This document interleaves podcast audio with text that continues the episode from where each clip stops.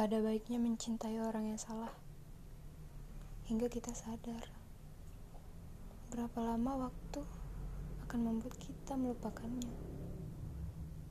Kita mencintai orang yang salah dan kita lupa